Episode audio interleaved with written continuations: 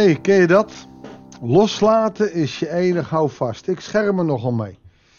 En toch vragen veel mensen mij nog wel eens, hoe doe je dat? En dat is een legitieme vraag. Hoe doe je dat loslaten? Aan de andere kant krijg ik ook vragen waarom loslaten. Nou, we zien in de laatste hoofdstukken van Koningen dat wanneer je vasthoudt aan je eigen gelijk, en stel je zit er ook helemaal naast, dan kon het er wel eens gebeuren dat dat loslaten jou gaat overkomen. Ofwel dat anderen gaan zorgen dat je los moet laten. Alleen dan is het geen vrije keuze meer. Dan is het opeens overmacht. Dat zien we gebeuren wanneer mensen God loslaten. God loslaten in hun overwegingen om zelf de touwtjes in handen te houden en denken de goede keuzes te maken. Laten we maar eens gaan lezen wat er gebeurt als je denkt alles vast te kunnen houden.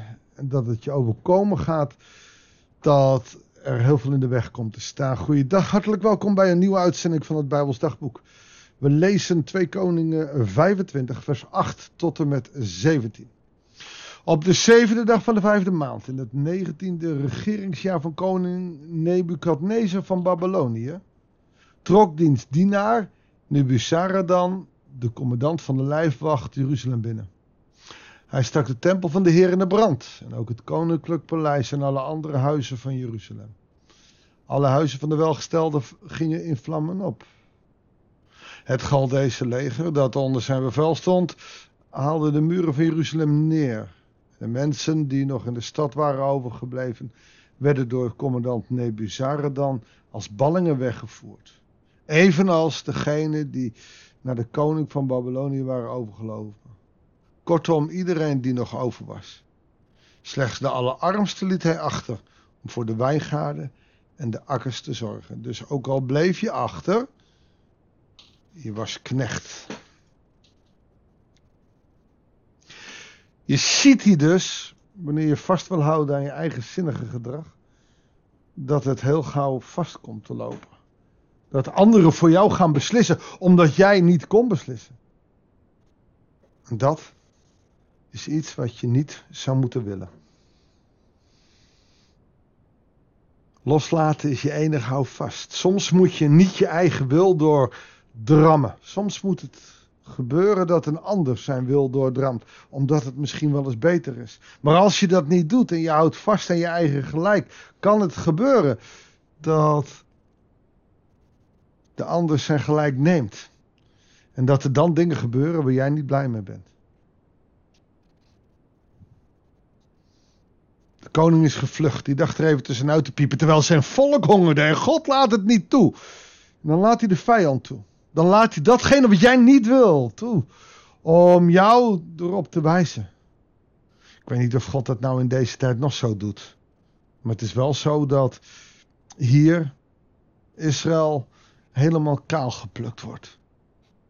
De tempel staat in brand. De koningsburg staat in brand. Dat wat bij David opgebouwd is, door koning Salomo is opgebouwd in één keer. Waarom? Omdat ze deden wat slecht was in de ogen van de Heer. Tegenwoordig vraag ik wel eens aan mensen of ze nog begrijpen wat zonde is. Weet je nog wat zonde is en heb je wel eens zonde gedaan?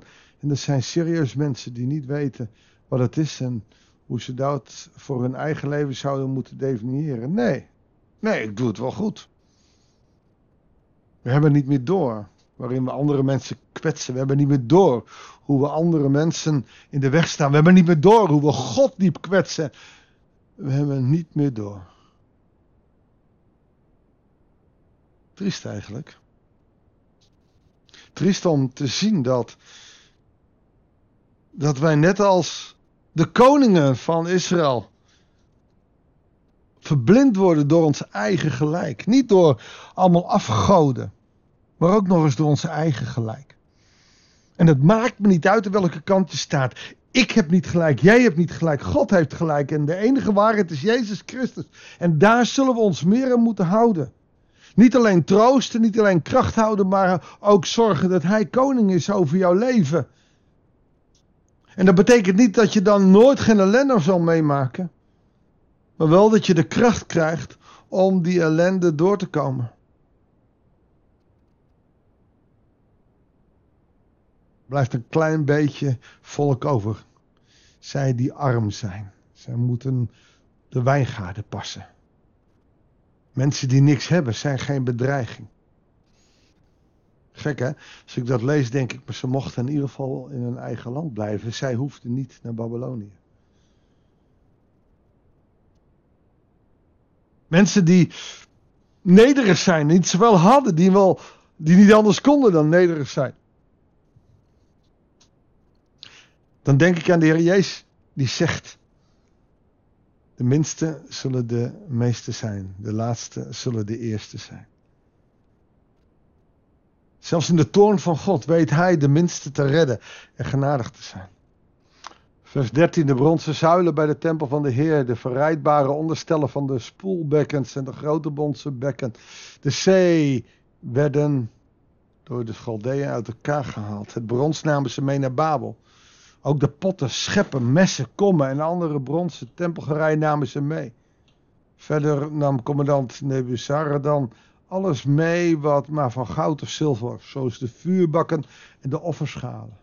De twee zuilen, de zee, waarvan er maar één was, en de verrijdbare onderstellen die Salomo voor de tempel van de Heer had laten maken, bevatten samen een niet te wegen massa brons. Even voor de helderheid, als, uh, als er staat de zee, dan is dat ook een bronzen zee, oftewel bekken uit de tempel. Uh, het is niet zomaar de zee zoals wij de Noordzee kennen. Alles wordt weggehaald. Heel veel brons. Wat in die tijd ontzettend duur was. Tegenwoordig ook nog. De zuilen waren 18 L hoog en bekroond met een bronzen kapiteel van 3 L. Daaromheen staat vlechtwerk versierd van granaatappels en massief brons. De hoge priesters Seraya, zijn plaatsvervanger Zephanje en de drie priesters die aan het hoofd van de tempelwacht stonden, werden door Nebuzaradan, de commandant van de lijfwacht, gevangen genomen. Eén spullen, maar ook de mensen worden weggehaald. Dat wat de tempel tot iets prachtigs maken omdat het de tempel van God was. We hebben nog wel eens een discussie gehad. Kan je een kerk oppimpen? Kan je een kerk modern maken? Kan je een kerk mooi maken? Dat geld kan je ook gebruiken om, uh, om arme mensen te helpen. Dat zijn dilemma's, dat zijn rare dilemma's. Want ja, daar heb je gelijk in. Je kan dat geld wel beter gebruiken. Toch zegt Jezus, de armen heb je altijd bij je, maar mij niet altijd. Oftewel, we mogen het huis van God ook wel onderhouden. We hoeven niet in een houten krotje te zitten. We mogen onze kerken best tempels maken en daar niet met goud op smukken, maar wel goed onderhouden. Laat je lichaam een tempel zijn van de Heilige Geest, maar laat ook de kerk een huis zijn. Het zijn dilemma's. En wij hoeven er geen brons, goud of zilver in te doen. Tegenwoordig staan er computers in voor de livestreams. Weet je hoe machtig het is? Weet je hoeveel mensen tot bekering kunnen komen als je die livestream online houdt? En toch, we mogen er ook weer niet aan vastzitten. Het is ongelooflijk moeilijk. Toch? Ik denk dat het goed is om daar de juiste keuzes in te maken. God kunnen eren. Met elkaar in een mooi gebouw, in een goed gebouw. Weet je, dan moet het niet gaan om de opsmuk. Maar dan moet het gaan om bijvoorbeeld dat je gastvrij kunt zijn. Dat je een open gebouw kan zijn.